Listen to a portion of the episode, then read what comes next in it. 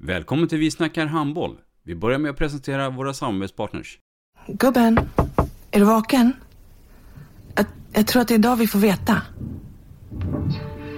Jag kom in! Mamma, jag kom in! Mamma, jag kom in! Jag kom in! Ah! Vi finns där du är när livet förändras. För alltid välkommen till Länsförsäkringar. Nej men, ska du ha t-shirt på dig? Du, det är ingen vanlig t-shirt. Det är en nya bollar till klubben t-shirt. Och så matchar den grillkryddorna vi ska använda. Hur då? Men det är ju alla ska med på klassresan grillkryddor. Stötta barn och unga. Shoppa på newbodyfamily.com. Länge leve föreningslivet!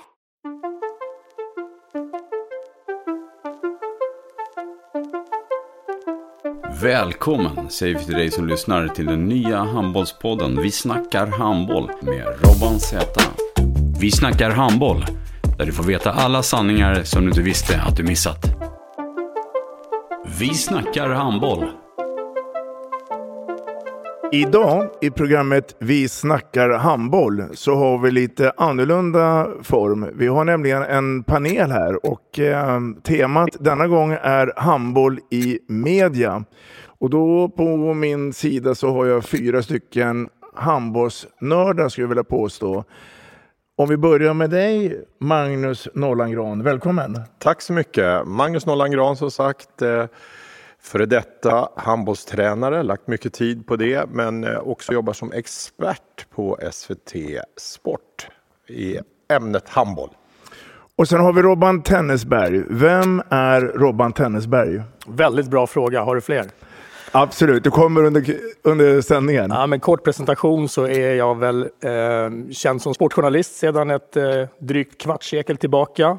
Många år på Sveriges Radio från eh, mitten på 90-talet fram till 2012. Därefter egen företagare, frilansande sportjournalist och sedan hösten 2013 har jag eh, via Play, som man ska säga numera, som huvuduppdragsgivare med mycket sporter, men bland annat handboll. Det är bra. Vi kommer få höra en hel del. Apropå höra så hör man mycket på radio. Marcus Boger, mm. välkommen. Tack så mycket. Vem är det? Ja, du sa handbollsnörd. Jag tror att eh, jag är väl här främst för att jag är chef på Radiosporten. Eh, som jag har varit i, tiden går nu, sju, snart åtta år. Eh, varit länge på Sveriges Radio. Eh, handboll var en väldigt stor del av mitt liv under en period. Spelade mycket intensivt där upp till 20-årsåldern. Men där insåg väl jag någonstans att eh, min begränsning i min talang och kapacitet och kanske driv. Så då blev det journalistiken istället. Mm. Och sen våran sista men goa gäst, Ola Brännholm, SVT Sport. Välkommen! Tack så mycket! Vem är Ola? Vem är Ola? Eh, det går ju att säga en massa på det, men det som har med handboll att göra som kanske de som lyssnar på det här bryr sig om mest. Eh, tre år som spelare, tre, fyra år i Vasaiterna, denna fina Angeredsklubb som eh, årgångarna före mig var ju väldigt framgångsrika, 79-80, tog faktiskt upp laget i elitserien till och med. Mm. Eh, 81-kullen som jag tillhörde, vi var dåliga. Men det behöver vi inte prata mer om. Eh, sen har jag jobbat väldigt mycket med att bevaka handboll åt Sveriges Television. Eh, gjorde OS 2008 med Magnus. Jag tror vi kommenterade 37 matcher på plats i Peking. Eh, det vart en del. det, det vart en del. Eh, och efter det mycket ju nyhetsbevakning, inte minst. Jag tror jag har gjort 12 mästerskap på plats som SVTs utsände, både här och dem. Mm. Under den här närmaste timmen så är ju då temat handboll i media och vi kommer ju blanda och ge. Vi kommer säkert göra en tågurspårning och så vi går upp på spåret igen då. Men om vi tar rubriken handboll i media. Om vi börjar med den, Magnus Norrlandgran. Vad, vad, spontant när du hör det ordet och den meningen? Det är en väldigt stor fråga tycker jag, ett stort ämne som också handbollen har väldigt skiftande nivåer på. Eh, man är periodvis väldigt duktig på att hantera och jobba med media om man utifrån landslag och klubbarnas perspektiv och också bevakning. Men också perioder som man är klart sämre och man har det är väldigt högt och lågt mellan de högsta nivåerna på, om man ser från ett klubbperspektiv, hur man hanterar media till den, den lägre nivån som egentligen är obefintligt. Så det är ett stort ämne. Mm.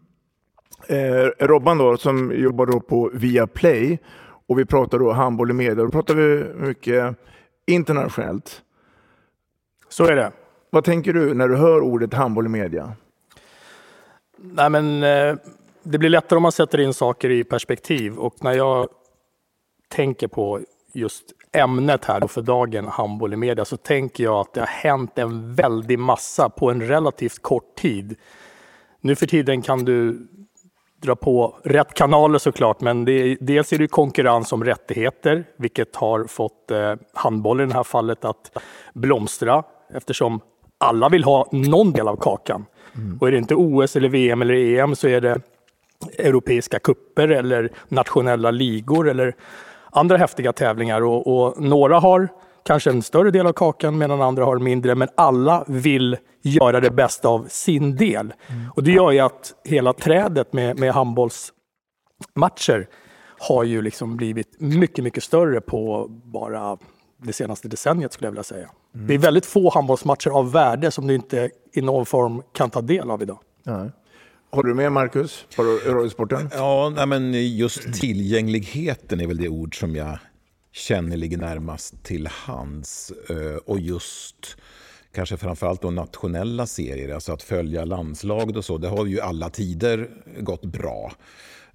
Medan eh, det inte har varit lika lätt att följa eh, de nationella serierna. Där har det hänt väldigt mycket. Som du säger Robban, på kort, på kort tid. Tittar man på skrivande, nu har vi ingen skrivande här, Däremot, där märker man att det är mycket mindre mindre utrymme. Eh, papper är dyrt, mm. det får inte plats med lika mycket. Men också publikens egen, eget driv att ta reda på fakta. Den finns ju där ute på nätet hela tiden att ta reda på. Man kan nörda ner sig hur mycket som helst. Eh, vilket gör att den, de klassiska matchreferaten försvinner ju. Eh, och det märker även vi på radion. De här ni vet, dagen efter-matcherna i sport, Radiosportens nyhetssändningar dagen efter det känns ju nästan daterat att på morgonen höra hur gick det i matchen. Det gör vi ju ganska sällan, utan försöker hitta nyhetsvinklar, att, eh, någon särskild händelse kring den här matchen. och så. Mm. Men eh, ja, det är väl mer det. Alltså, tillgängligheten, det är lätt att ta till sig handboll eh, oavsett vad det handlar om. Det är kupp, internationella kupper, nationella serier eller landslag. Så finns det hela tiden där och pulserar. Och gäller radio eh, så finns det två perspektiv eh, om vi kallar det, som vi brukar säga, radio-radio. Förstår ni vad jag menar då? Mm. Då är det Sport Extra i P4 FM. Eh, där är ju utmaningen att det blir fler och fler matcher. Många sporter, serierna blir längre. Eh, slutspel, finaler, det är längre serier, det blir trängre utrymme, det är mer fight om, om eh, ytan. Så det är en utmaning och där har ju handbollen en utmaning tillsammans med jag menar, innebandy, basket, volleyboll, speedway, ja, allting. Och inte minst de två stora, hockey och fotboll som de konkurrerar med. Mm. Jag börjar bli långrandig här nu. Nej, ska, men eh, men eh, eh, och då, då, finns det digitala sändningar där publiken inte är lika stor. Då. Eh, för vår del åtminstone. Tv är lite annorlunda. Men eh, ja, tillgängligheten är väl ordet som sammanfattar det. Mm. Ola, det slog ner en bomb mars 1990. Sverige blir världsmästare. Och det var en kanal som sände den här matchen. SVT. Ja, vilken drömvärld. Ja. Nej. Nej, det är mycket bättre idag såklart. Ja. Hör du, um, um, Sveriges Radio var också där, tror jag Marcus skulle tillägga. Det, det är helt rätt. Bra band. Apropå handboll och media då. Det hände någonting, kan man väl säga då, i samband med att Sverige vinner där. Intresset blir större nu vet inte jag, nu, nu är det långt i tiden här, men din minnesbild där då? För att SVT är ju en, en del av starten av bevakningen för handbollen. Ja, men SVT har väl varit med på något hörn nästan hela tiden. Det är ju på senare år vi sänt väldigt lite handboll. Eh, men, men SVT sände ju elitserien under många år, sände Champions League också. Och det är som Robban pratar om, det har ju blivit konkurrens om de här rättigheterna, vilket ju är positivt för handbollen såklart. Eh, det, alla matcher mer eller mindre sänds idag. Men, men eh, SVT är med där. Och det jag tittade på lite inför det här mötet var hur, hur stort är handbollen ur ett nyhetsperspektiv? Mm. Jag har loggat varenda Sportnytt Sportspegeln senaste fyra åren. Eh, och då går det ju att få ganska mycket data på liksom vilka sporter är störst. Och där är min bild att oj, är handbollen så pass högt representerande? ändå? Det är, fotbollen är störst, det, det, förstår alla överlägset. Hockeyn är överlägsen tvåa. Sen kommer för vår del, tror jag inte heller överraskar folk, längdskidorna som en väldigt stor sport. Sen är ju handbollen och friidrotten eh, på platserna precis därefter friidrotten. Utslaget över fyra år skiljer det 13 minuter bevakning. Eh, det är ingenting. Det är, de är lika stora de två sporterna. Så handbollen är ju en stor sport, men det är ju framförallt ur ett nyhetsperspektiv landslagshandbollen och de stora mästerskapen som är stora. Eh, den nationella serierna, Europacup-handbollen och så vidare och även kval och så vidare är ju inte lika stort. Det är ju när det nalkas medaljer i EM och VM och OS som det verkligen blir något stort. Mm. Jag vill behålla det där, den tiden där efter VM-guldet 1990. För sen får ju Sverige arrangera VM 93 på hemmaplan. Men 92 så kommer ju TV4 in i bilden också. Eh, och de sänder sen då, då VM 93. Eh, är det någon som vill kommentera den premiären?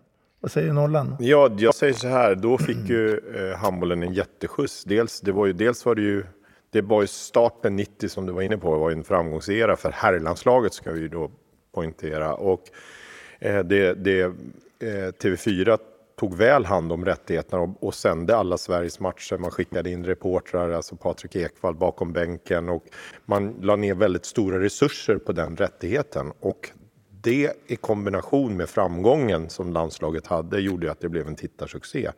Man hade ju jättehöga tittarsiffror och det gav ju också ringar på vattnet att man sände flera matcher. Så helt plötsligt fick ju landslagshandbollen ett värde och det också gav farten några år senare sen till det leende landslaget, att man mm. började sända damlandslag och så fick man liksom den boosten där också med det hela. Så att det är klart att TV4s närvaro och landslagets framgångar där från 90 och framåt var väldigt viktigt för handbollen att synas i media. Mm. Vad säger Robban?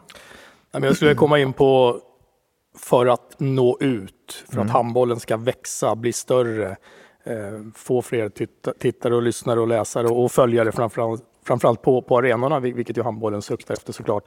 Då är det här ett bra exempel. Det finns många fler decennierna mm. senare, mm. fram till dags dato, där symbiosen mellan sporten i fråga och media är så viktig. Hur det förhållandet ser ut, det blir ju slutsaldot till publiken, mm. om det blir bra eller dåligt. Det måste finnas en ömsesidig förståelse för respektive roller. Ja, visst, att det viktigaste under ett mästerskap är att fokusera på matcherna och prestera så bra som möjligt utan att eh, bli så mycket störda så, så, så, att det, så det hindrar en prestation. Det, det fattar ju alla också. Men når man inte ut, då kan man ju spela vilka matcher och häftiga anfall som helst om ingen bryr sig om det. Hur kul är det? Så man måste förstå varandra där och, och det började ju i det här fallet TV4 och Handbollsförbundet fatta där och sen har ju det fått ringa på vattnet för öppenheten som i många fall finns inom handbollen har funnits där. Det är ju en, eh, en förutsättning för att eh, det ska bli bra i slutändan. Mm.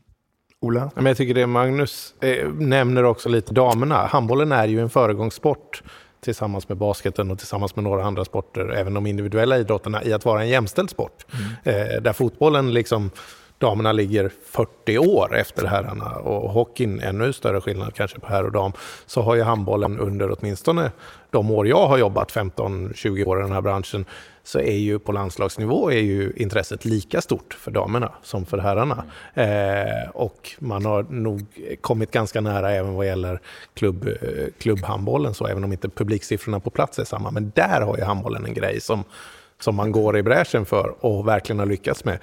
Sveriges största stjärna de senaste tio åren, det är ju inte en herre, det är ju Bella Gullén. Det mm. finns ju inget snack om saken. Ni blir en expert på Viaplay. Mm. Det stämmer det. Det ryktes i henne från flera håll. Säkert.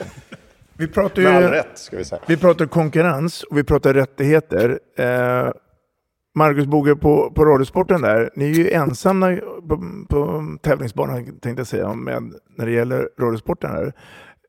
Hur förberedelser Eh, Eh, alltså, eh, hur förbereder ni er ett mästerskap? Hur, hur går det till?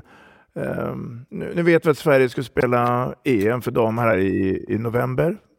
Hur, hur, hur, hur jobbar ni? Alltså, när tar ni ut er laguppställning och det? Ja, men så, först bara om rättigheterna. Vi får ju vara ödmjuka där eh, som, som i princip då utan konkurrens eh, på radiosidan. Det är ju mycket tuffare på tv-sidan och enorma pengar på tv-sidan medan det inte alls är på samma sätt på radio.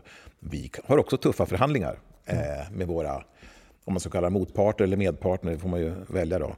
Eh, men tack och lov så har det ju gått bra. Vi har i princip alla rättigheter som vi vill ha. Vi hade ju en period som just handbollen stack ut.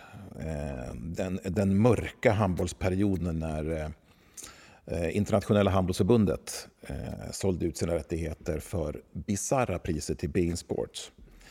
Mm. Och eh, det var ju, blev ju jättedålig spridning på det. Om vi håller oss till Europa. Vad gäller radio var det nästan ingen som bevakade det mest. De, de två mästerskapen tror jag som, som det var så, så tufft. För det var helt eh, bisarra priser, det var ingen disk diskutera. Eh, sen har det blivit bättre efter det. Mm. Eh, men, eh, så, så, vi har de rättigheter som vi vill ha. Och eh, handbollen har ju mästerskap mest hela tiden. det är två per år mm. och Sverige är framgångsrika. Så det är ett prioriterat område för radiosporten. Eh, och eh, vi satsar alltid, försöker sända mycket. Och som du säger Ola, nationellt är det, som landslagen är det ett jättestort intresse för. Det märker vi ju liksom när vi gör statistik på klipp, hur, folk aktivt och lyssnar på nyhetsklipp till exempel, eller sociala medier, hur stort engagemang är det? Då är ofta svenska landslag väldigt framgångsrika och då blir det ju direkt, det skjuter ju höjden, eh, engagemanget och så. Men som svar på din fråga, ja nej, men vi gör väl en, oftast en årsplanering eh, förstås, vem som ska göra vad. Mm. Eh, och då finns det naturligt urval, vilka som är av det våra som är mer orienterade kring handboll. Ehm, nu har vi så många sporter så ingen av våra reportrar ju, gör ju bara en sport. Utan eh, de flesta gör ju mer än en. Men eh, vad gäller handboll är det några som, som är...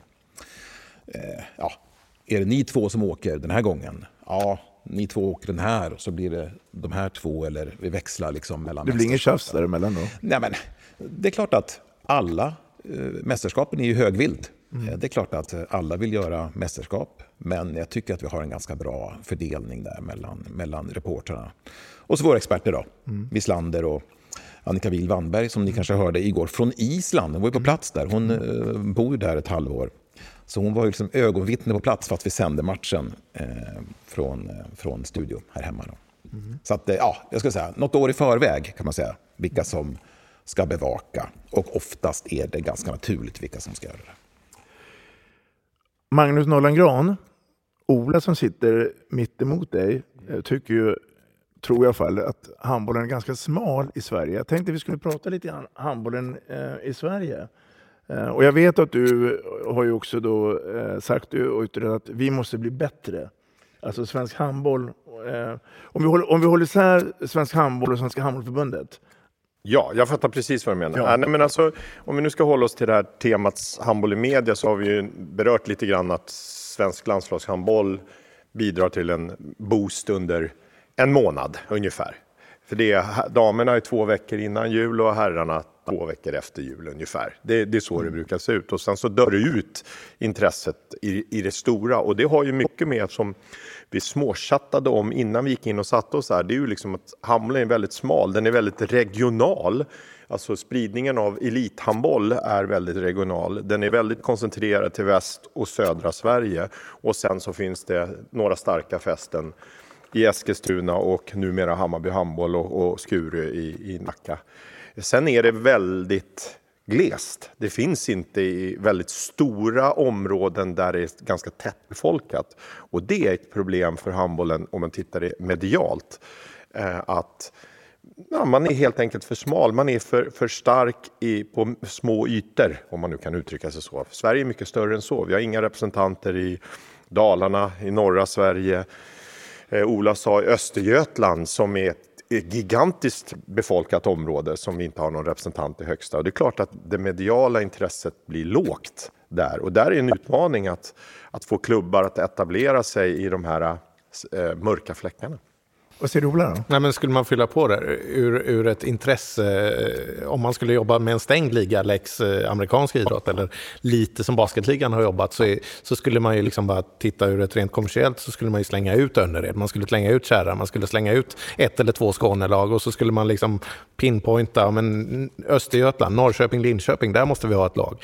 Eh, Dalarna, Falun kanske vi bör ha ett lag. Någonting norr om Stockholm. Nu var Boden uppe under några år, men alltså herregud, det återstår ju över 100 mil av Sverigekarta utan att ett enda elitlag i handboll Och finns befolkning, representerat. ska vi säga. Det- Ja, det det, behöver finns ju människor. bara, utan det är- Umeå är ju en jättestor, stark idrottsstad som inte har ett handbollslag exempelvis. På elitnivå. För jag tänkte provocera lite grann. Nyligen har det varit Sverigecupen, mot, alltså hockeyns motsvarighet till TV-pucken. Det finns ju många duktiga spelare i Norrbotten, Dalarna det.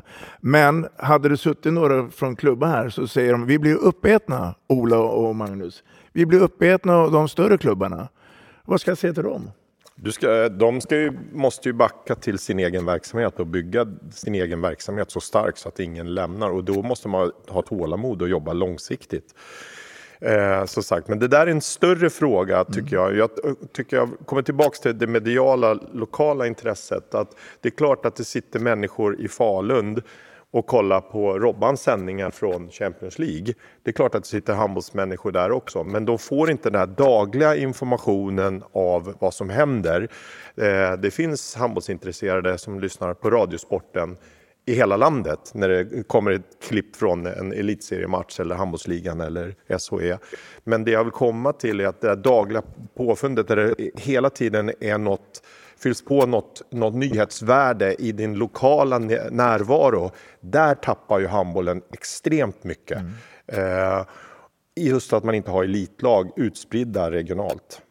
Och kan ju bara titta väldigt avundsjukt på hockeykartan exempelvis. Med lag från Luleå till Malmö, Rögle i söder. Alltså och egentligen överallt. Basketen också mycket mer spridd än handbollen.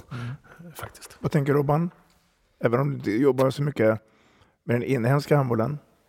Nej, men jag har ändå haft förmånen att, följa flera svenska klubbar i de europeiska ligorna Mm. och, och bara där så förstår man ju vikten av, av de här Sävehof eller Alingsås eller Kristianstad eller vilka det nu än är att få vara med och tävla där och mäta sig med, med de bästa europeiska lagen och vilken utveckling det gör. Och Sen, vi- vi pratar om regional spridning i Sverige och att det saknas på, på stora fläckar på Sverigekartan representation i de högsta ligorna.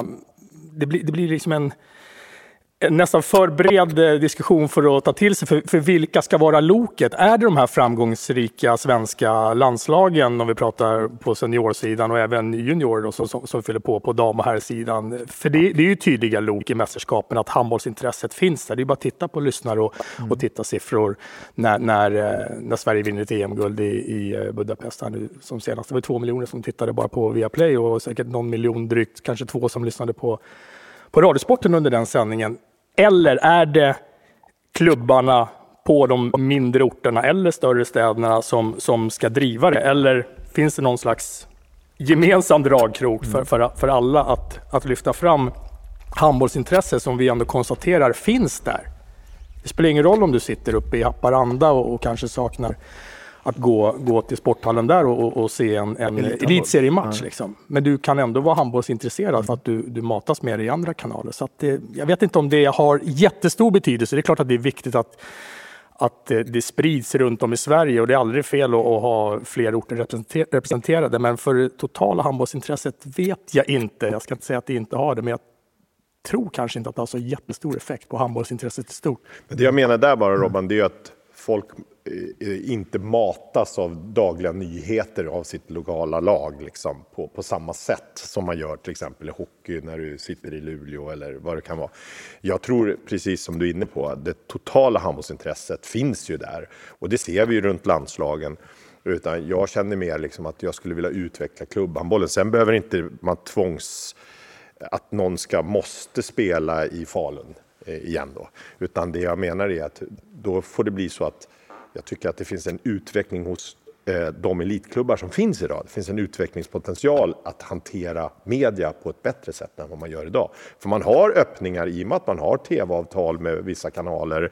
Man sänder vissa från radio och så vidare. Men jag tycker att klubbarna själva kan bli mycket, mycket bättre att profitera på det i, sina, i sitt sätt att hantera media. Och när jag säger hantera media, jag vill bara klargöra det. det. Det är inte bara tv eller radio, utan det är också hur hanterar man lokalmedia, hur hanterar man sina sociala medier, hur hanterar man liksom kontakten med media och så vidare. Där går det att utveckla för att också öka intresset totalt sett.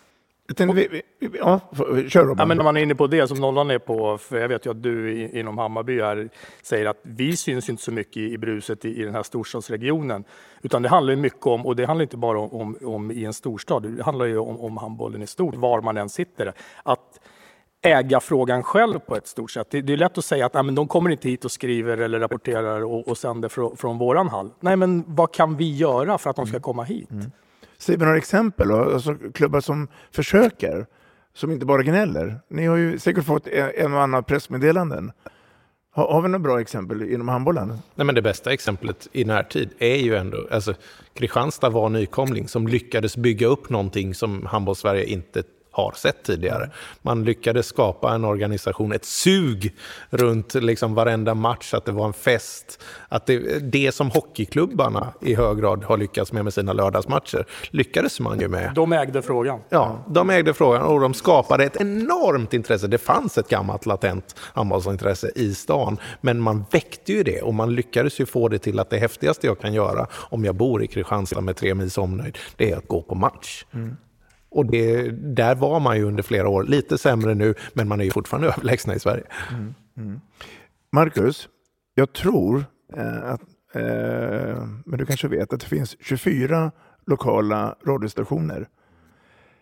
Kan du som chef på Radiosporten påverka någonting att få lokalredaktionerna att uppmärksamma exempelvis handbollen på ett ännu effektivare sätt än vad det är idag? Eller skickar du en passning till klubbarna att höra av er till de lokala redaktionerna? Nej, men eh, eh varje lokal kanal, P4-kanal då, som finns runt om i landet, eh, det är ju väldigt förgrenat och eh, bra representerat runt om i hela landet. Det är ju, det är ju väldigt bra. Eh, sen eh, är det ju begränsat med resurser där också förstås. Mm. Hur intensivt man kan bevaka respektive lag. Eh, det är en ansvarig utgivare som bestämmer det ytterst, det är inte jag som bestämmer det. Men vi har, det ska jag säga, vi har ett arbete som pågår nu inom Sveriges Radio där vi ska utveckla den lokala sportjournalistiken, fast kanske på ett lite bredare plan. Det klassiska har ju varit, man går dit, antingen sänder man matchen, eller tidigare, man går dit, bevakar matchen, gör en intervju efteråt, lägger upp någonting på sajten och så en intervju som sänds i radion dagen efter. Eh, Eh, det där vill vi utveckla lite grann, ha en lite mer aktiv sportjournalistik lokalt. Eh, och, och, att, att liksom inte bara matchbevakning, utan att det finns något annat också. Just det här, eh, det inre livet i klubbarna, hur jobbar man, ungdomsverksamheten. Det finns många perspektiv som jag tror, om man ska vara självkritisk, som vi kan bli mycket bättre på på Sveriges Radio och även andra redaktioner. Men vi har ju som du säger den här lokala representationen. Så jag tror vi har alla möjligheter att eh, göra en mer aktiv sportjournalistik. Sen kanske det inte är Sveriges Radios uppgift, om man ska då eh, nämna det, så här, att boosta handbollen. Det är inte vår roll. Vår roll är ju att spegla eh, en, en bredd och en mångfald. Och då kanske utmaningen snarare är, det ska inte bara vara hockey och fotboll, utan det ska vara alla sporter. Eh, även de som inte riktigt har på samma sätt det där enorma genomslaget i, i media, där ju fotbollen och hockeyn är störst. Och, och det gör ju Radiosporten. Vi brottas med det hela tiden. Att verkligen få in handbollen, att få in innebandyn, att få in eh, många olika mm. sporter. Mm. För det är ju vårt uppdrag. Mm. Vårt uppdrag är primärt inte att boosta handbollen, om man ska vara lite, lite motvalls här. Då. Mm. Men jag, jag, måste komma tillbaka till det här med att äga sin, sin egen rättighet på något sätt, eh, som vi var inne på. För det tycker jag är oerhört intressant för att komma tillbaka också, det från radiosporten då har det svårt för. för det är där klubbarna, tycker jag, på, nu pratar vi på klubbhandbollsnivå, på elitlagen. Det är där jag tycker att alla klubbar har inte förstått att de har faktiskt, de äger rätten av sig själva att skapa den information de vill få ut. Mm. I alla, det är lätt att säga sociala medier och det finns ju massvis med kanaler och där.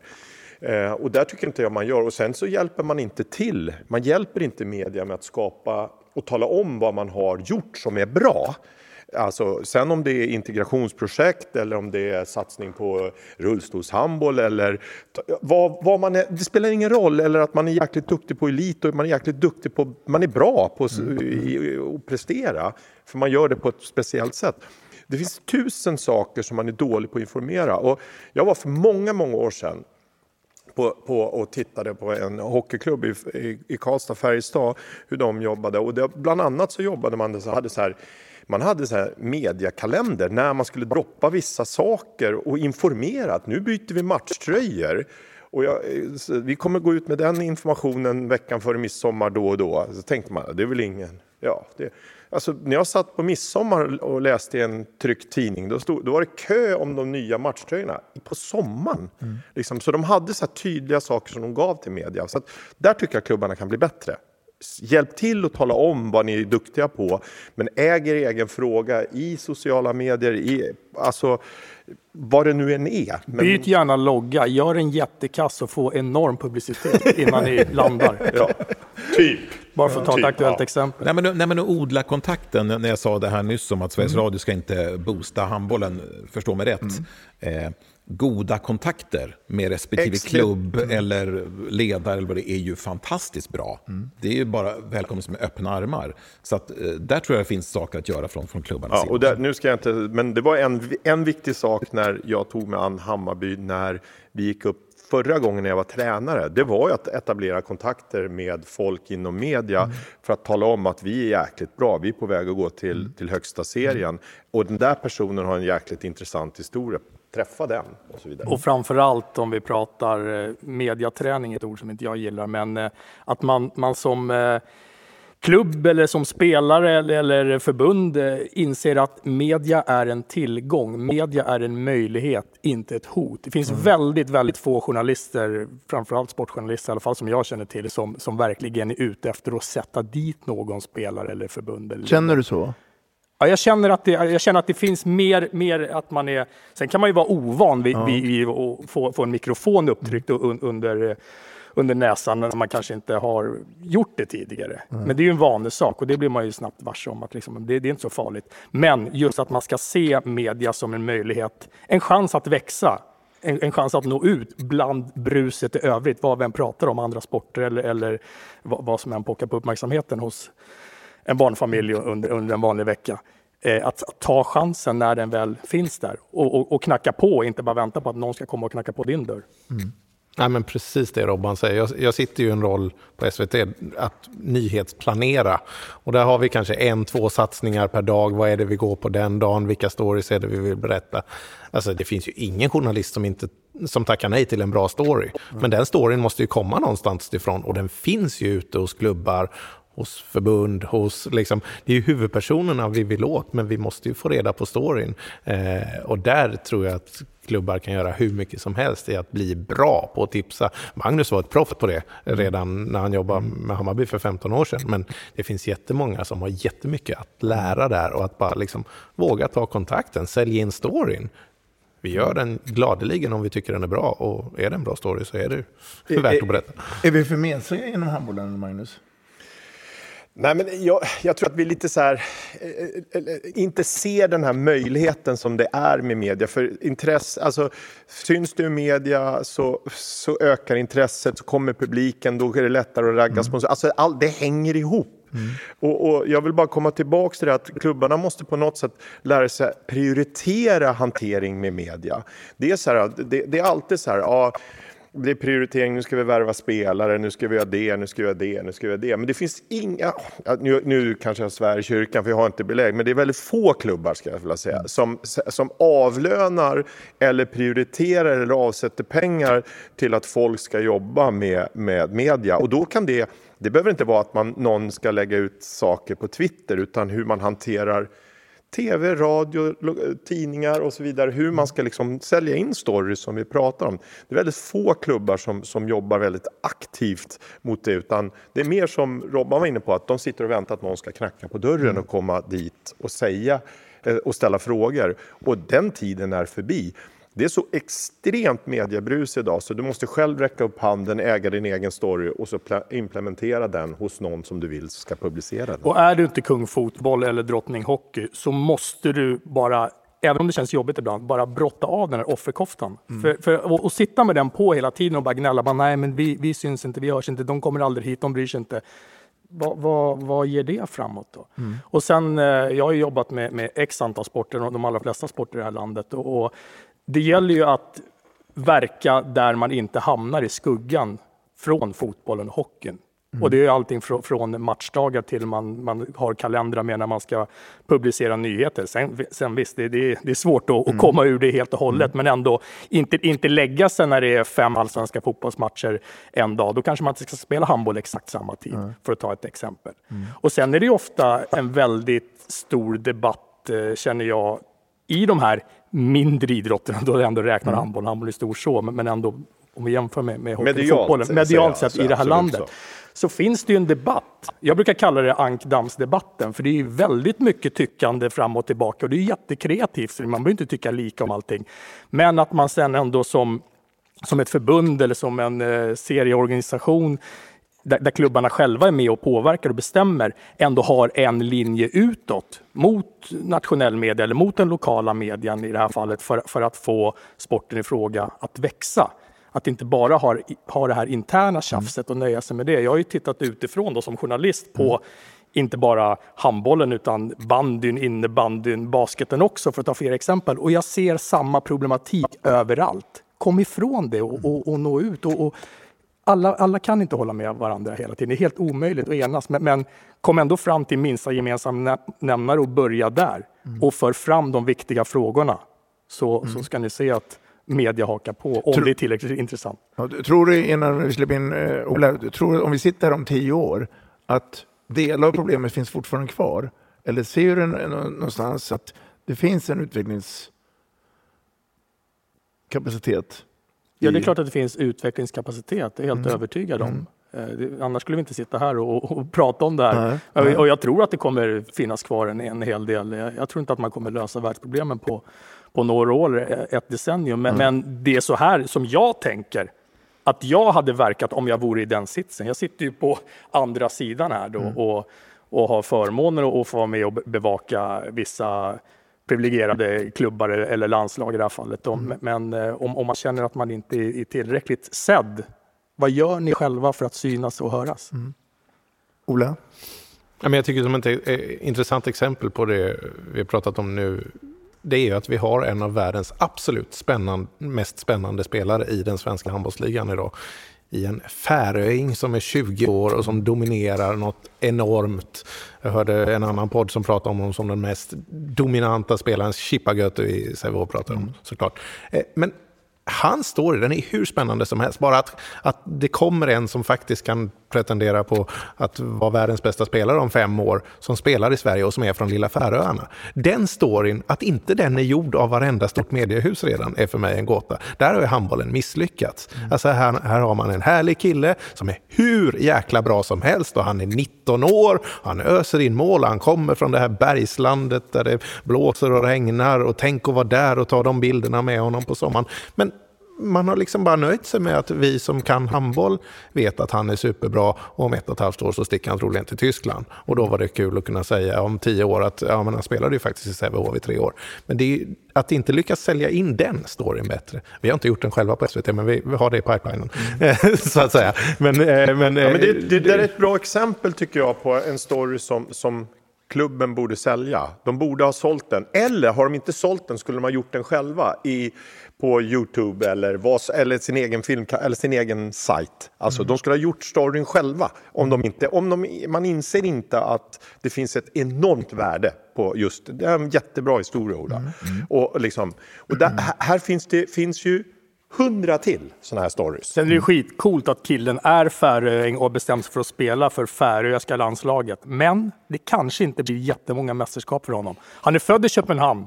Hans föräldrar var där och, och, och verkade ett mm. tag, så han skulle kunna tillhöra Danmark. Mm. Men nej, jag är färöing, sa han. Så mm. att, eh, det blir så. Så, så tyvärr inte jättemånga mästerskap för Ashipa Götte. Säg inte det. Man Nej, säg inte. det, men, men som det ser ut nu i, Ja. i handbollsvärlden. Nu kommer ju hans kusin som ser exakt Ja, ja, ja. likadan Ja. ut och är fyra år yngre. Så det, vi får ju chansen. Vi som missade storyn nu får ju chansen att göra det med, med kusinen. Jag, jag tänkte prata en del avtal och ehm, eh, jakten på det här med att eh, få publik till arenorna. Men innan det så tänkte jag be Marcus, Ola och Robban, om ni vill göra i olika storyn då, men berätta för alla följare, hur, hur fungerar en produktionsbevakning?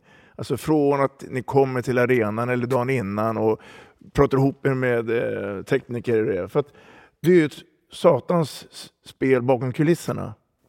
Ja, tur man inte kan hela det schemat, för då skulle vi hålla på i två timmar här och berätta om alla ber- viktiga roller i din tv-produktion, för att ta det exemplet. Berätta lite, bara, se det som ett lag, för det är ju ett lag. Jag menar, ni, ni, ni kommer till arenan, man eh, samlar ihop sig, men, men vad händer sen? Alltså, hur, hur samarbetar ni med er expertkommentator eller golvreportern? Eller, hur funkar det? Ta oss igenom den resan. Jag skulle säga bara eh, innan man kommer till arenan. Jag skulle säga väldigt stor del av jobbet görs ju väldigt långt innan man kommer till arenan. Det vill säga först ska du säkra rättigheterna, sändningsrättigheterna, men det har man förhoppningsvis gjort några år innan i bästa fall. Eh, sen så startar då kontakten med den lokala eh, organisationen. Mm. Sådär. Det ska bokas kommentatorsposition som är svindyrt, åtminstone för, en, för min budget. Eh, svettas vi alltid över, men ännu, ännu större med kostnad för tv.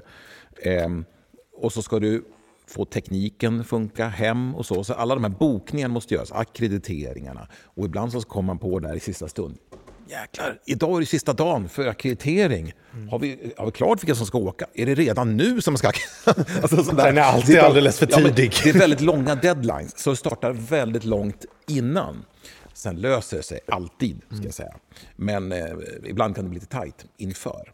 Eh, sen när man väl kommer på plats, eh, tv är säkert mycket mer avancerat och, och, och större komplicerat, men då fungerar det faktiskt ungefär som på vilken, nästan som vilken vanlig eh, liksom match här hemma i, i Sverige. Kanske ännu smidigare, för då slipper man komma med sin egen tunga väska och konka på. Utan Ja. där är det i bästa fall I bästa fall. redan riggat. Mm. Så, att, eh, så, att, så, att, så att då, jag menar, det är påläsning, man läser på, förbereder sig eh, och allt det där och, och, och kontakter med eh, ja, eh, pressansvarig och så vidare så att man får lättillgänglighet till spelarna. För vår del som sändande bolag förstås så är det ju hur får vi snabbt intervjuerna efteråt? Eh, har, vi, har vi en flashposition så att vi får en jättesnabb? Eller får vi stå i mixzone som är lite halvsnabb och ska vi då trängas med SVT och, och med alla andra liksom, eh, eller inte? Så att mycket planeringsarbete inför, men arbete på plats är egentligen match som helst. Och mycket av det där vet ju inte den, den stora massan. De, de har ju inte den insynen kanske. Kanske inte det intresset heller, utan det är ju vad som trattas ner i slutändan som, som, som, som blir intressant. Ja. Och, och det var det jag menade med att det, vi skulle kunna sitta i, i två timmar. Marcus drog det, drog det väldigt kortfattat här nu ändå. Mm. Men, men, eh, lättförståeligt att det är så mycket bakgrundsarbete under Mm. veckor, månader, år innan. Och när Ola och jag och, och Magnus kommer dit och, och ska kommentera en match eller står där med en intervjumikrofon, då är det ju bara det sista, liksom det, det glättiga kvar. Och många gånger kommer man ju faktiskt till mer eller mindre dukat bord. Sen, sen är det ju upp till dig såklart att, komma dit eh, förberedd upp till, till tänderna liksom, och, och, och veta förutsättningarna för det du ska prata om, vilket gör ju chansen större att du, du gör ett bra jobb.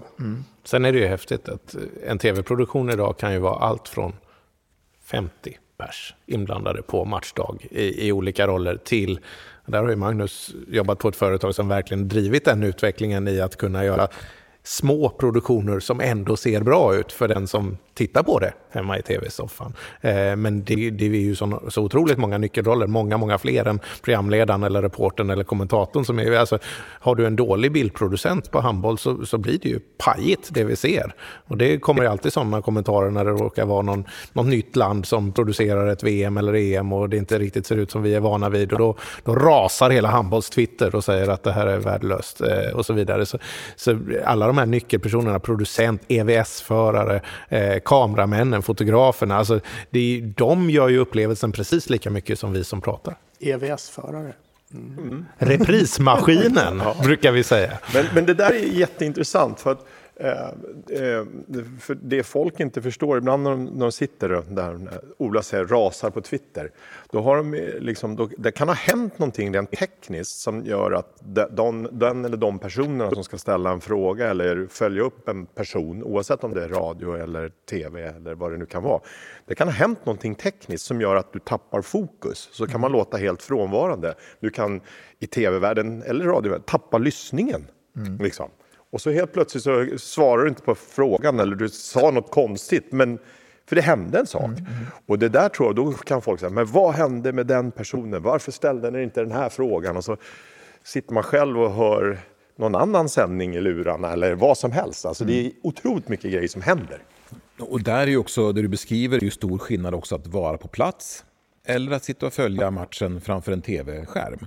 För det tror jag eh, ganska många som följer både radio eh, och tv eh, inte tänker på. Att eh, ibland sitter ju vi ganska Mm. ofta och, och, titt, och tittar på tv. Liksom, så. Ehm, och ehm, ehm, jag menar, ta matchen nu, nu när vi spelar in det här då, så var det ju EM-kval igår på Island. Då. Ehm, ja, men väldigt beroende av TV, tv-bilden. Då står det 3-2 och så Per Karl med Agnes sitter ju hemma i Göteborg och refererar. Det blev 4-2 säger de. Eh, och, det var ju och så. Eh, och sen så eh, går det 30 sekunder och så, vet kanske var det övertramp här eller någonting för att det står fortfarande 3-2 här på, på tvn. Och då får de ju säga, vi sitter här och följer det här på distans, vi kan inte riktigt säga, där, då blir det 4-2. På, de var bara lite långsamma i grafiken där. Det var inte, var inte ert fel. Eh, men det var ju någon annan. Nej, men, eh, eh, och, och det är eh, stor skillnad att vara på plats och kunna se det som sker utanför tv-skärmen eller att eh, följa, eh, följa den framför skärmen. Så att vi försöker så mycket som möjligt att vara på plats. Men det är en kostnadsfråga och det är mycket som ska eh, bevakas. Så att, eh, mästerskap är vi alltid på plats men eh, enskilda landskamper och så kan ju vara på distans och så. Så att det är lite olika.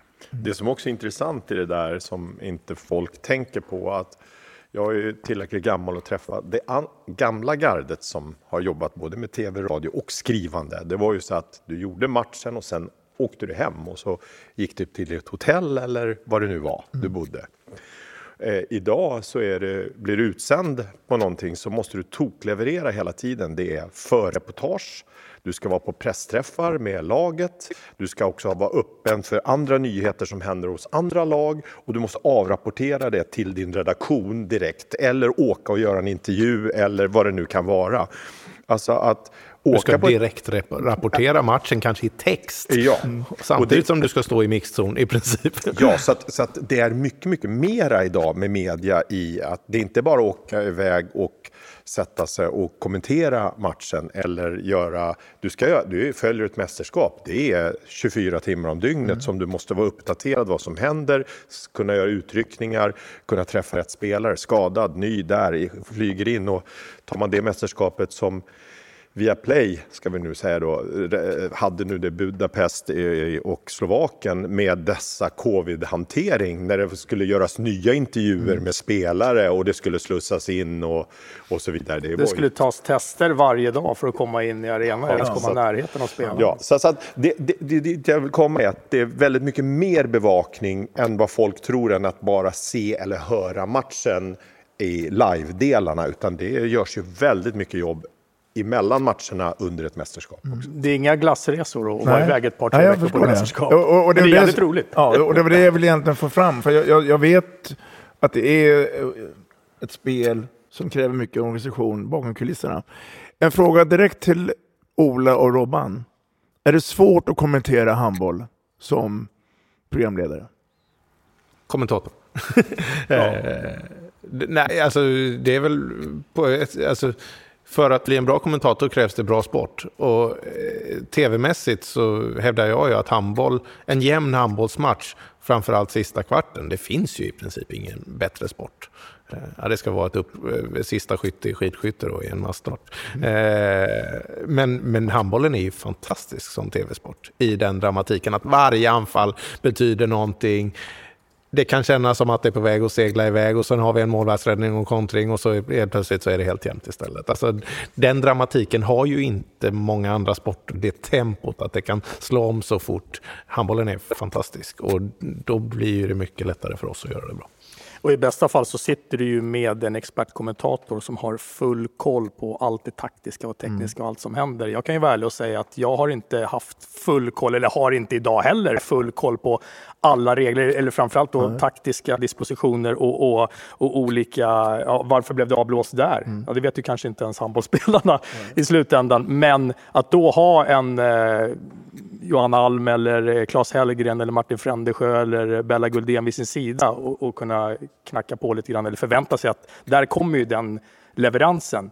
Den tryggheten jämfört med att sitta själv och göra en Bundesliga-match mellan eh, Magdeburg och Kiel eh, och, och ja, man kanske inte vill ta ut svängarna allt för mycket för egen del.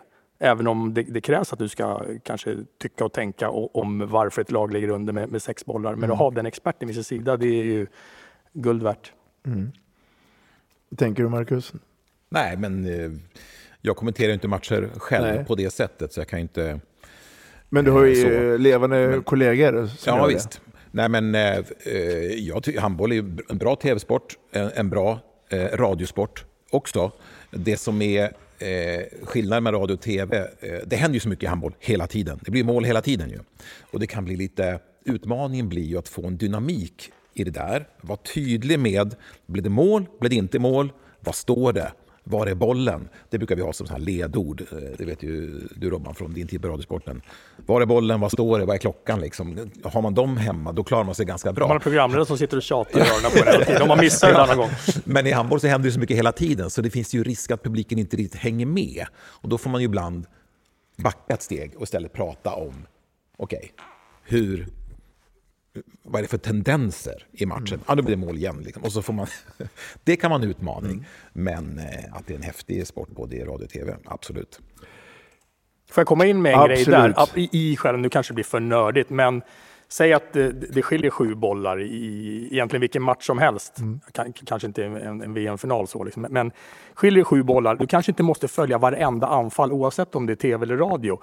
Utan att då, om du har en expert, då, kan, kanske ta li, lite större penseldrag och, och, och komma in lite mer på, på liksom, eh, ja, vad som har hänt i mästerskapet i, i övrigt och, och, framöver, liksom vad, vad som komma skall. Att man, att man kanske inte bara behöver liksom fram och tillbaka följa boll hela tiden. Samtidigt som, som lyssnarna, tittarna självklart inte får liksom bli hängande där. Men, men, men hallå, vad, vad hände här? Varför, varför kommenterar ni inte här? Det där, det där tycker jag är en intressant balansgång. Mm. Och ska jag säga då som expert lite grann så är det också lite beroende på där har jag pratat många gånger om vilken kanal du är på eller vilket, vem som sänder. Att, eh, det är så här att sänder du för en smalare publik då måste du vara mer nördig. Sänder du för en bred publik då måste du vara mer generell i, di, i ditt sätt att uttrycka Utan att bli platt. Utan att För bli platt. nördarna. Ja, för att då tappar du deras intressen. Och det där är en jäkla svår balansgång. Jag pratar mycket med Claes Hellgren om det där. Att hur ska man, då i expertrollen, hur ska man lägga sig?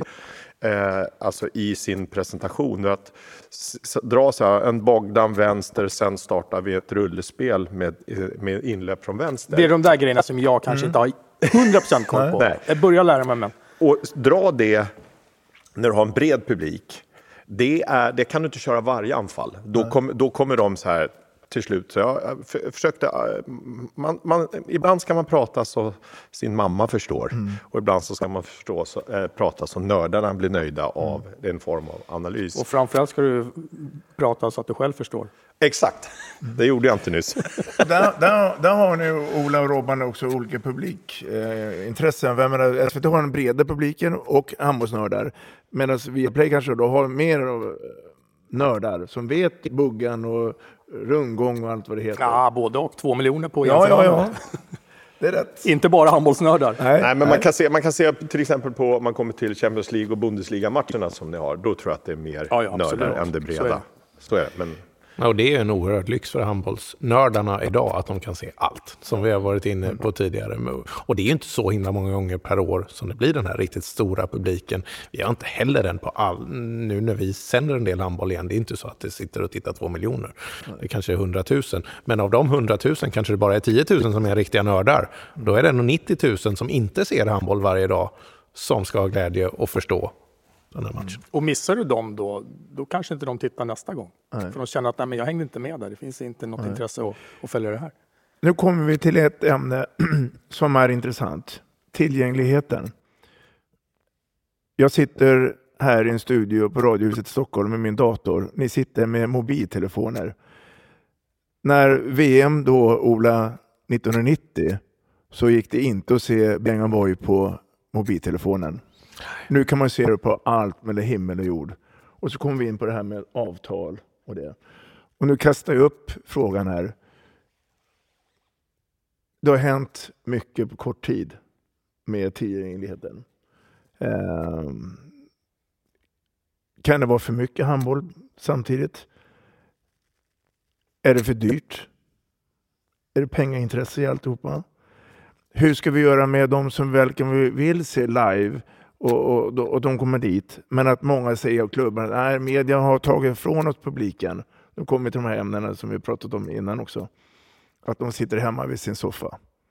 Nu har vi några minuter tillsammans här nu och och lyfter den här frågan. Ordet är fritt. Jag ska bara säga en grej som får någon annan vet så inte jag pratar för mycket. Jag kan komma tillbaka, men eh, det kan aldrig bli för mycket handboll. Det måste vi enas om. Jag tycker att det är ett privilegium som handbollen har idag att det är flera mediehus som sänder. SVT, Viaplay, Simor och så vidare. Det, eh, det, det, alltså det kan inte bli för mycket. Det, är- det är bara ett privilegium. Det gäller att hantera det på bästa sätt. Precis, där har ju förbunden, arrangörerna, ett jobb att lägga spelscheman så att det inte krockar heller. Det var något skräckexempel för några år sedan där jag kommenterade, jag kommer inte ihåg vilken klubb det var, men, men det var en toppklubb i, i Tyskland som spelade en viktig match i Bundesliga samma dag som de hade en viktig Europamatch. Samtidigt som det spelas landskamper på ett annat håll Rhein-Neckar. med samma kön. Det är helt makalöst. Hur i HE kan det bara gå till på det sättet? Man, man får svära här. Ja, vad fan pysslar ni med då? Ja. Vad säger Ola då? Men eh, du pratar om tillgängligheten. Handbollen är ju en relativt sett fortfarande, även om den går i samma utveckling såklart som kanske många tittar på fotbollen som leder liksom hela eh, sportmaskineriet och eh, mediemaskineriet mediamaskineriet också. Men handbollen är ju en bra sport vad gäller tillgänglighet. Och jag tycker att svenska landslagen, som är de vi alla liksom har ett gemensamt intresse av att bevaka, har ju haft en fantastisk press, eh, pressmänniska de senaste åren som själv är journalist och har förstått det i form av Daniel Wandor, hur, hur man ska jobba, hur, att det är viktigt att vara tillgängliga. Sen är det svårare idag. Jag tror inte det är som på Bengan Boys tid, där media fick vara med hela träningen och kunde mer eller mindre stå och, stå och surra med Bengan under taktikgenomgångar. Det, det finns ju inte idag längre och det finns ju inte i någon sport i princip. Men handbollen är fortfarande tillgänglig och ska så fortsätta vara om man vill vara en relevant och intressant sport. Nej, men Jag, jag, håller, jag, håller, jag håller med, alltså, det är väl bara, bara positivt. Eh, det jag tänker ibland på, som inte jobbar i den kommersiella världen, det är ju att eh, de här sändande bolagen, eh, jag menar produktionsbolagen och eh, de olika sätt som distribueras, eh, att det ska finnas ekonomi i det. Men uppenbarligen så gör det ju det, eftersom det ploppar upp mer och mer. Det är fler och fler matcher som, som, fi, som så att säga, organiseras och fler och fler matcher som sänds, hela serier som sänds och så vidare. Så att uppenbarligen så vill ju publiken betala och eh, sponsorer och företag betala också. Så marknaden styr ju där och det går uppenbarligen bra. Och eh, på det sättet så är det väl bara positivt. Och pengarna landar ju förhoppningsvis, utgår jag från, i klubbarnas fickor till slut också. I alla fall en del av det. De tycker säkert att mer ska landa i deras fickor. Men eh, delar av det får de ju del av på det sättet. Men varför kommer kritiken då? Att, att media och, och, och gör att vi, vi tappar åskådare till arenorna? Eller är det, är det, är Ja, det bara trams? gör vi verkligen det? Jag, ty- jag tycker det, det är ju som att ja, skjuta sig i foten och säga det. För att det är ju det, är det som ska skapa en möjlighet att du finns tillgänglig istället. Då, det är då du ska visa att din, din sport, ditt lag, din prestation är tillräckligt bra så att du vill vara där. Det finns ett väldigt bra exempel. Eh, nu kommer jag inte ihåg några siffror här, men jag kommer ihåg det var en väldig kritik för många herrans år sedan när SVT startade Fotbollskväll. Då sa alla, till och med fotbollsklubbarna, att det här kommer att vara förödande. Det kommer inte vara en enda kotte som vill gå på fotboll. För nu kommer alla vilja se sammandraget på måndag kväll och se alla klipp som är. Det var tvärtom istället. Folk såg det där och kände, jag vill vara på arenan istället. Och då helt plötsligt ökade publiktillströmningen. Det var flera faktorer som påverkade, mm. men bara det var en, en faktor som gjorde att ja, men jag vill vara på plats och se den matchen, inte sitta hemma i tv-soffan på dagen efter och se ett sammandrag. Då gick jag dit istället på lördagen eller söndagen. Så att det gäller att se möjligheterna i det där för att det skulle vara förödande för handbollen att inte ha några tv-avtal mm. eller sådär. Det är alltså den tillgängligheten att inte kunna se sitt lag eller andra lag, det är, då är man out väldigt snabbt. Mm. Och man kan ha jobbat inom etermedia, både radio och tv, i plus 25 år och ändå fortfarande tycka att idrott ses bäst live på plats på mm. arenan. Sen gör tv eller radio det näst bäst. Mm. Men, men eh, fatta hur tråkigt det skulle vara att, att sända en match ljudmässigt i radio eller visuellt också mm. plus ljud i, i tv och det var 30 pers på läktarna. Vi hade, vi hade ju ja. Jo, jo, exakt. Ja, exakt. Och det var ju inte ja, kul. Ja, det nej, var inget nej, roligt. Exakt. Det kan nog alla konstatera. Nej. Även de vi som satt i tv-soffan och tittade på tyckte nog inte heller att det var så jäkla roligt att kolla på. När du och jag Magnus gjorde ju den första landskampen på nästan två år där det tilläts publik igen. Vi var i Malmö Arena i höstas här och liksom bara den känslan efter att ha sett då, det hade ju ändå varit eh, mästerskapsframgångar eh, för Sverige och man, det är klart att man blir glad och lever sig med när det går bra för Sverige på något sätt. Men att sitta där och känna den här liksom DJn drar på musiken, publiken klappar med. Man, då kan man ju som kommentator dessutom bara ibland sitta tyst i en minut, för det är sån jäkla stämning ändå. Eh, Livepublik är ju det bästa som finns. Och mm. den, ska ju, den, den gör ju bara tv-sändningen bättre. Samtidigt som vi ändå är där för att spegla verkligheten. Vi ska inte på att försköna, men, men mm. jag har exempel från toppfotbollen då, som jag också mm. har äran att kommentera, när det lades på bakgrundsljud, inspelat bakgrundsljud för att lyfta sändningen. Mm. Och jag vill absolut inte ha det som kommentator. Jag är här för att berätta och, och, och, och, prata om det som händer här och nu på den här arenan. Det sitter åtta lyckliga själar här och de hörs knappt såklart. Mm. Men inte något inspelat skit som, som hände för ett och ett halvt år sedan. Va? Det är löjligt. Ja. Du, eh, Magnus, till vardags jobbar du med, med media och det. Eh, och, eh, finns det utrymme för flera konkurrenter? Hur tänker du då? Alltså flera tv-bolag som ja. ska sända? Alltså det, det, det, det där kan man nog... Det är vi ju redan. Ja, vi, ja. ja. Men, men, kan vi bli fler? Eller tror ni att det är...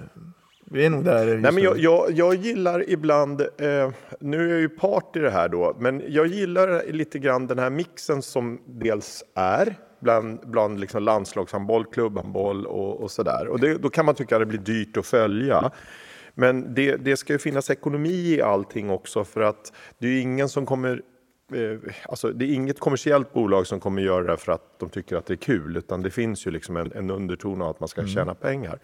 Men ibland så kan jag gilla den här mixen som vissa eh, sporter gör, att man blandar och ger oss olika och så får man till fullträffar på och större media på till exempel finalspelet eh, eller vissa punktinsatser. Eh, men för vi ska ändå ha klart för oss att det, det, kan aldrig vara fel oavsett vart man sänder och det visar ju Viaplays siffror på EM-finalen att det finns, det finns ju folk söker sig dit där resultaten är. Men vad vill jag ha sagt med det här? Det var ju lite flummigt.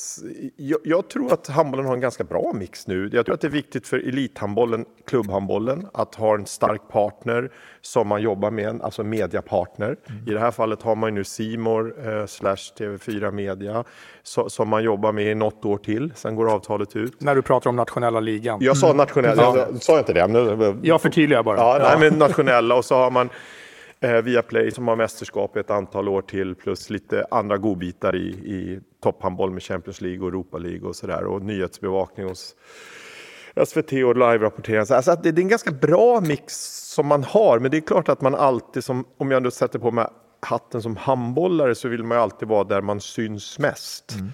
Men, men eh, nej, jag tycker nog att det är en ganska bra mix. Men det är viktigt att, om vi kollar till nationella, att man ett nytt avtal som, som ska generera, som ska säkert förhandlas starta upp efter sommaren kan jag tänka mig Mm. att man hittar en partner som, som, eh, som också visar alla matcher men också tar fullaste allvar på att göra någonting av innehållet av serien också och inte bara sänder av det. Men det krävs ju också att det blir någon slags sammanhållande kraft som, som eh, berättar att här sänds den matchen, här sänds det mästerskapet. För det är inte alltid jättelätt för handbollspubliken att, att kanske hitta rätt kanaler. Och där kanske i det här fallet då handbollsförbundet kanske ska ta ett än större ansvar framöver. Att ja, men här är handboll i media den här veckan.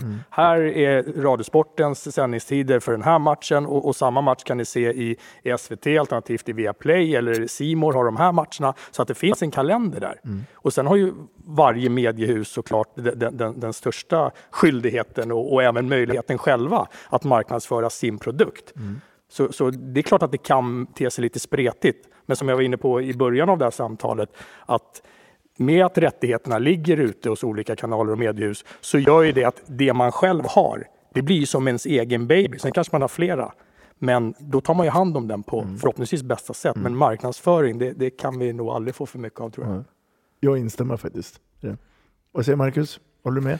Nej men, eh, vad ska man säga, konkurrenssituation. Jag, principiellt så tycker jag absolut det är bra eh, att eh, fler aktörer, för då eh, utvecklas, om man ska prata om produkten. Eh, och då kommer jag tillbaka till min egen värld då, där vi ju inte har egentligen någon konkurrens vad gäller radio.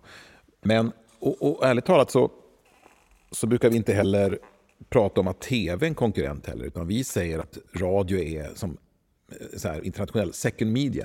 Det vill säga, har man tid, är man hemma, har man det lugn och ro, ja men då de flesta väljer tvn för att titta på någonting. Medan radion är ju styrkan med rörelsen och friheten, du kan göra någonting annat samtidigt. Eh, Så jag skulle säga att vi kompletterar varandra ganska bra. Men vem vet, någon gång i framtiden kanske det kommer fram ett eh, konkurrerande radiobolag. Då får vi se eh, hur, hur vi står oss i konkurrensen. Nu har vi precis skrivit ett nytt avtal med, eh, med landslaget och, och ligan fram till 2025-26. Eh, Så... eh, Eh, Men det kan ju komma upp någon annan. Jag tror att det är icke-exklusivt tror jag, vad gäller radio. Så det kan ju komma någon annan och vilja sända parallellt med oss. Och det är bara välkommet i sådana fall. Den stora frågan för handbollen i stort, det är ju inte hur vi konkurrerar eh, om, om lyssnarna och tittarna sinsemellan. Det är ju hur handbollen konkurrerar mot allt annat som händer i världen. Precis. Allt som finns i en storstad eller var man nu sitter, de kanske sitter i en, i en eh, koja i skogen och tycker det är skithäftigt. Varför ska man välja att lyssna eller titta på handboll just den kvällen? Och i sport, sportvärlden specifikt också. Eh, Du, du nämnde hela världen, Mm. men, men sporten blir ju bara mer och mer tävlingar, mer och mer varumärken liksom, som alla vill ha mer och mer exponering. Där kan jag ju tycka att handbollen exempelvis i, i vissa av sina kuppformat har ju gått till bananas i, i att spela för mycket matcher. Eh, det kan vara både mästerskapen och de europeiska kupperna och ligan har ju faktiskt gått ner lite i matcher nu. Det, jag tror inte det skadar, utan eh, ja, vad var det? Det var ju en stor spelarkampanj för några år sedan. Don't play the players. Mm. Alltså, alla vill bara få mer och mer exponering. Det gör man genom att skapa fler och fler matcher och till slut så går ju folk sönder då istället. Men sen, eh, för att komma tillbaka till det här att jag tror också parallellt när vi pratar om rättigheter hit och dit och det ska ligga hos olika så tror jag fortfarande jag vill också backa till att klubbarna igen Mm. kommer tillbaks. Att de bär ett extremt stort ansvar eh, om eh, att liksom äga sin egen rättighet att skapa den information de vill. Jag som bor i en storstad och eh, om vi tar det skrivna, det skrivs ingenting om eh, Hammarby eller Skuru till exempel. Ta då här. Det skrivs ingenting om det. Men då kan man inte, man kan tycka att det är för jäkla dåligt, vilket det är. Men då måste man skapa sin egen story, sina egna informationskanaler att nå ut. Och då är det bättre att satsa på ett antal media, inte sociala, Sociala medier. Ja, som du är duktig på. Inte gå brett och du är dålig på någon, ett, något format. Twitter, jag är jättedålig, men skit i det då. Utan fokusera på att skapa din egen information och nå ut. Alltså jag skulle vilja säga att storstadsklubbarna måste skapa sin egen informationskanal och vara sin egen avsändare av sin egen rättighet, alltså sin nyhetsrättighet. Mm. Eh, Det tror jag är jätteviktigt. Och att man inte sitter och bara gnäller att ingen skriver eller kommer dit och gör ett reportage eller gör radio, utan man måste göra det själv. också vara medveten då att eh, ganska mycket är intressant. Man kanske sitter där och säger att det har varit en spelarvärvning, det kanske har varit på gång i flera månader till slut så, så landar det. Man, man sitter ändå i sin egen lilla värld och känner att ja, men det här är väl inget nytt eller det är inget stort. Jo, det kanske det är. Det gäller att liksom se på sin egen verksamhet lite ovanifrån ibland också och fundera på ja, vart man rör sig. Exakt, men problemet är ju att eh, om man skulle göra en enkät på herr och dam elit nu. Det, alltså, det finns ju skillnad, vi har pratat landslag, men vi tar herr elit, dam, dam och herr elit här nu. Så skulle man vilja veta så här, hur många är det som har en avlönad tjänst som jobbar med media? Hur många är det som avlönar någon, det behöver inte vara en heltid, men som avlönar någon som jobbar med informationsflöde mot radio, mot tv, mot sina egna kanaler, mot sina supportrar, mot sina medlemmar och så vidare. I handboll, ja, Lätt räknat. det är nog lätträknat Ja. att hitta och jag tror att man måste lyfta upp det på agendan i sina, i sina beslutsgångar och prioritera och lägga ner lite resurser. Då inte bara ideella resurser, för det är fantastiskt. Det, jag är väldigt lagd åt det hållet. Men om du ska ta det till en professionellare nivå och nå ut mer med information så måste du faktiskt prioritera och kanske börja avlöna sådana människor som sitter och jobbar med sådana frågor. För Och det då, är viktigt. Och då kommer man från kassören då och säger att ja, men det där har vi inte råd med. Nej, vi kanske inte har råd med det rent just nu kortsiktigt. Men vi har definitivt inte råd att inte göra det här långsiktigt. Precis så. Nej, men en dansk mittsexa som kostar 70 000 i månaden eller någon som på en halvtid eller så jobbar med att sprida Mm. liksom, de bra historierna och göra det på ett vettigt sätt för sin publik som kanske kostar 25 000 i månaden. Det, Mycket intressant. på fem års sikt. Som inte går sönder efter tre veckor heller. Nej. Exakt. Eller mest ser det där laget som en språngbräda till nästa klubb. Ja. Känner vi oss nöjda med eh, ämnet? Ja, det här var ju del ett av tio. Ja, det, och det kommer. Jag tänkte nämligen eh, runda av här med en liten tävling. Och vi snackar handboll bjuder på lunch till en av våra samarbetspartner, Hit restauranger. Om ni nu får rätt antal eh, eh, alltså gissningar då. Jag vill att ni tar och funderar på vem blir svenska mästare på herrsidan och vem blir svenska mästare på damsidan. Det skulle jag vilja att vi går varvet runt här. Eh, och har man då två rätt, då ska vi äta lunch tillsammans på hit restauranger. Vem vill börja? Ja, jag vill vara först för det är skönt att slippa säga jag säger som de andra. Det är bra det. Varsågod Ola. Jag säger, jag säger bara en klubb då. Eh, det vill säga Sävehof på både här och damsidan. Tror jag till slut löser det här, även om de nu i skrivande stund är i riktigt jobbig sits i här slutspelet. Det krävs en femte avgörande kvartsfinal. Men där om en och en halv månad eller vad vi har så tror jag att det kommer stå Sävehof på pokalen både på här och dam. Marcus Boger? Ja, jag är tråkig. Vi håller ihop public service här. Jag brukar försöka hålla en armslängds avstånd till SVT. Så här. De kramar ihjäl oss annars. Eh, Men här måste jag faktiskt eh, tro detsamma. Man skulle kunna ut... Nej, jag säger faktiskt, jag säger faktiskt tråkigt nog samma. Får man dela på en lunchtallrik då? Liksom? Oh ja. Du kan få dubbelt upp också. Okej. eh, Ja, Magnus, du får börja. Ja, jag kan börja. Ja, men jag, jag eh, utmanar då och säger att Skövde vinner på herrsidan. Ja, extremt, eh, extremt första lina, stark första lina. Jag såg ju dem i, i alla tre matcher mot, mot Hammarby i kvartsfinal och de känns som de är på gång riktigt. Så jag säger att IFK Skövde bärgar sitt första guld eh, på herrsidan. Damsidan, ja, det, det känns som, som Sävehof har växlat upp. Så jag, jag, jag, tar Sävehof där, även om mitt Stockholmshjärta vill att Skure ska vinna. Men jag säger Sävehof. Vill ni ha facit nu? Ja, nu, nu väntar vi. Så vi alla kan säga att ja, vi tar som dig. Men jag kan ju inte säga Sävehof gånger två. Det, Nej, det, det, är, det är uppbokat nu. Ja, det är uppbokat. Jag säger Kristianstad på herrsidan och Skuru på damsidan. Och då får jag runda av med att jag tror att vi kommer få två outsider. Eh, den ena var sagt eh, nyligen och jag tror att det är två ledare som kommer avgöra det här. Jag tror att det blir IFK Skövde på här sidan med Henrik Signell och jag tror att, att Ola Månsson med H65 Hör kommer göra en eh, överraskning. Så att eh, IFK Skövde på herrsidan sidan och H65 Hör på damsidan. Och vilken, herregud, vilken story det skulle vara. Apropå bra stories, om H65 Hör går och vinner SM-guld efter den säsongen med skador och proffsflykter inför säsongen. Det vore en bra story.